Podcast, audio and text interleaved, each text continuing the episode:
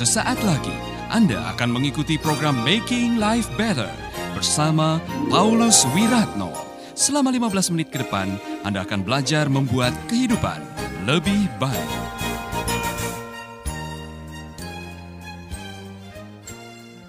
Baik, saudara saya mau melanjutkan apa yang saya bahas kemarin mengenai posisi kita menentukan pencapaian kita. Pilihan kita menentukan kualitas hidup kita. Dan saya mau mengajak saudara merenungkan satu hal yang sangat penting dalam kehidupan kita, yaitu mengenai bagaimana hidup kita menghasilkan buah-buah yang bisa dinikmati oleh orang lain. Maka saya mau mengajak saudara menghafalkan tiga kalimat ini. Berakar kuat, bertumbuh sehat, berbuah lebat. Saudara-saudara, saya mau mengajak saudara e, merenungkan satu bagian firman Tuhan yang saya yakin saya mau menyoroti dari angle yang lain. Bagaimana ada orang-orang yang sudah ke gereja tiap minggu, ikut komsel tiap selasa, baca firman tiap pagi, dengar renungan tiap malam, tapi hidupnya tidak bertumbuh. Imannya tidak bertumbuh. Hidupnya begitu-begitu saja. Lagunya dari dulu sampai sekarang hanya satu. Yesus itulah juru selamatku. Ya kan? Penolongku yang sungguh. Ya kan? Saudara-saudara, kita ketemu dengan orang-orang yang mohon maaf tua di gereja. Tapi kelakuannya sama saja. Ada masalah apa dengan orang-orang seperti itu? Ternyata saya menemukan di dalam Injil Lukas pasal 8 ayat 11 sampai 15 ada beberapa masalah yang membuat orang tidak bertumbuh ada beberapa masalah yang membuat saudara dan saya meskipun dikelilingi oleh suasana rohani, atmosfer agamawi tidak menentukan bahwa kita akan bertumbuh. Mari kita akan lihat. Inilah arti perumpamaan itu mengenai penabur. Benih itu ialah perkataan Allah. Nah, tidak ada yang salah dengan perkataan Allah. Perkataan Allah digambarkan sebagai benih. Dan benih itu punya potensi untuk bertumbuh kalau ada di tempat yang tepat, dirawat dengan tepat. Persoalannya adalah ada benih yang jatuh di jalan, ibarat orang yang mendengar perkataan itu, tetapi iblis datang dan merampas kabar itu dari hati mereka. Supaya mereka jangan percaya dan diselamatkan. Jadi benih jatuh di jalan. Kemudian ada burung yang datang memakan benih itu. Jalan itu bukan untuk nanam. Jalan itu tempat orang lewat. Jalan adalah jalur transportasi. Jadi kalau saudara menanam di jalan, pasti akan terlindas mobil atau dimakan oleh burung atau diambil oleh orang. Karena itu bukan tempatnya. Saudara, bahaya yang tidak disadari dalam hidup kita adalah ada oknum lain yang selalu akan mencuri firman. Dan oknum itu sama dari dulu sampai sekarang Strateginya ialah meragukan hati Anda atau membuat Anda ragu-ragu. Saudara-saudara, oknum itu namanya iblis. Dan cara yang dipakai iblis untuk menjatuhkan Adam dan Hawa sama dengan yang dia lakukan untuk saudara dan saya. Apa yang Tuhan katakan? Hawa, apa yang Tuhan katakan? Kalimat itu sebetulnya dipakai untuk apa? Membuat Hawa meragukan kebenaran. Saudara-saudara, Iblis menggunakan firman bukan untuk meneguhkan iman saudara. Iblis menggunakan firman untuk membuat Anda meragukan kebenaran firman. Sampai hari ini masih, masih berlaku, masih digunakan dengan strategi yang sama.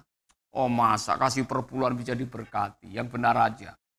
Yesus saja tidak pernah mengatakan berilah atau bawalah persembahan perpuluhanmu. Mana ada ayatnya? Itu kan akal-akalan pendeta aja. Supaya semua harus bayar firman Tuhan. Nanti akan memperkaya. Saudara-saudara, itu bukan dari Tuhan, saya yakin.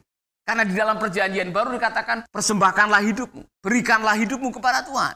Nah ada orang mengatakan namanya juga perkembangan zaman Pak. Ya kan? Kan ada yang namanya etika situasi. Situasi itu menentukan benar atau tidaknya apa yang kita lakukan. Ini contoh, janganlah kamu mencuri. Bagaimana kalau kita lagi lapar Pak? Tiga anak kita ini lagi lapar menangis karena tidak ada makanan. Kemudian ada tetangga rotinya ada di depan pintu. Kalau saya mengambil demi anak-anak saya ini yang kelaparan, masa Tuhan tidak mengampuni saya daripada anak saya mati bagaimana? Lu saya ini kan terpaksa pak. istri atau suami saya ini kerja di Hong Kong 2 tahun. Kemudian ada tetangga saya kok main mata dengan saya. Namanya pria, Pak. Situasi ini seperti ini. Nah, saudara-saudara saya mengatakan, iblis kadang-kadang membuka logika saudara untuk membenarkan apa yang salah. Benih itu jatuh di jalan, kemudian dimakan oleh burung, diambil oleh iblis untuk apa? Meragukan Anda. Makanya saya percaya kepada seorang yang mengatakan seperti ini. Ketika Anda menjadi ragu-ragu, Anda adalah umpan yang paling baik untuk dijatuhkan. Ketika Anda mulai meragukan kebenaran firman, satu langkah lagi Anda akan jatuh. Dan itulah pekerjaan iblis dari dulu, sekarang, sampai selama-lamanya, sampai dia dihukum. Saudara-saudara, orang yang ragu-ragu dikatakan, Alkitab mengatakan, orang yang bimbang tidak mendapatkan apa-apa. Jadi begini, bagaimana caranya supaya iblis tidak ada kesempatan untuk meragukan kita? Bagaimana caranya supaya kuasa kegelapan tidak ada kesempatan untuk membuat kita tidak mempercayai 100% kebenaran firman Tuhan? Bagaimana caranya? Anda masih bersama Paulus Wiratno di Making Life Better.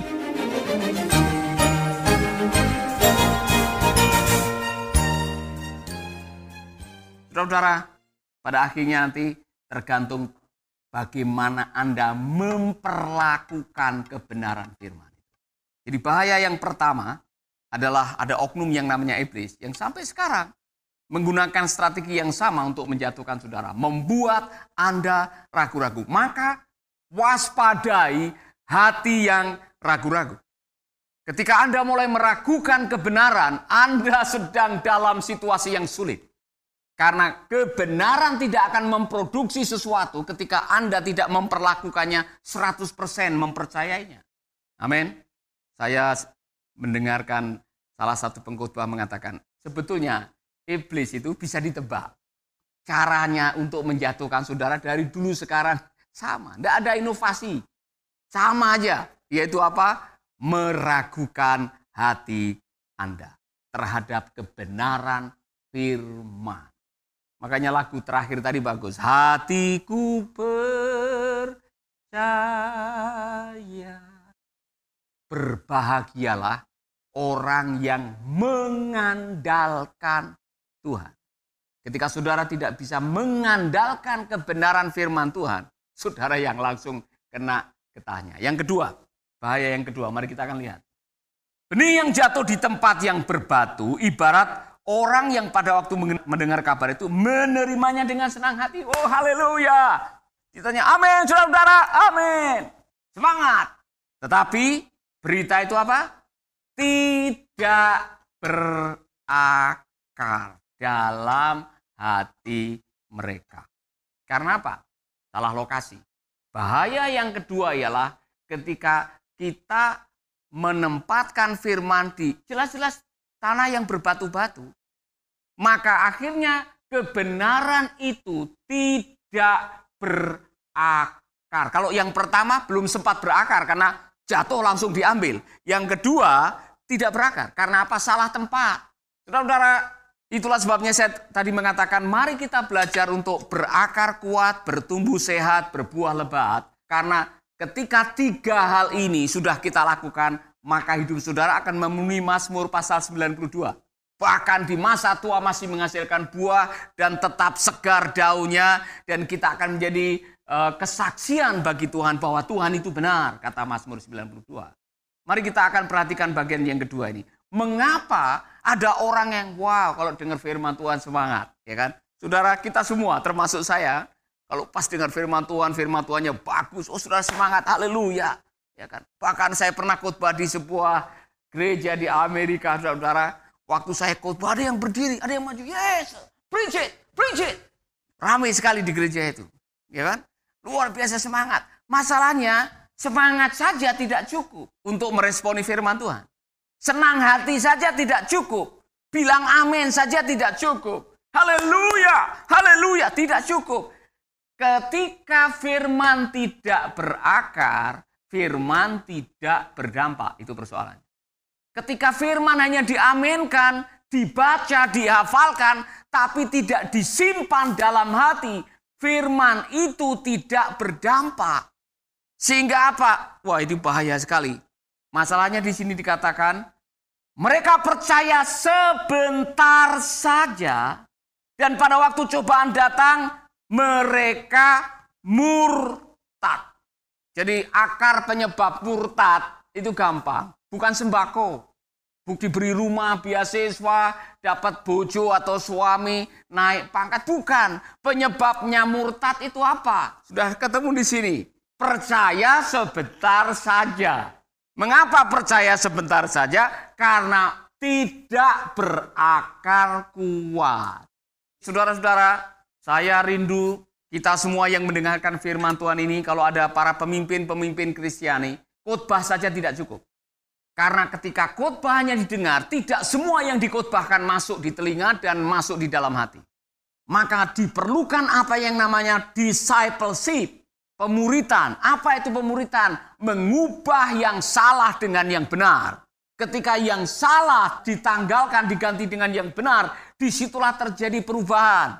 Ketika kebenaran masuk di dalam hati, kemudian mengubah yang salah, maka itulah yang diharapkan oleh Tuhan. Pemuritan. Apa itu pemuritan? Life transfer. Transfer kebenaran lewat kehidupan.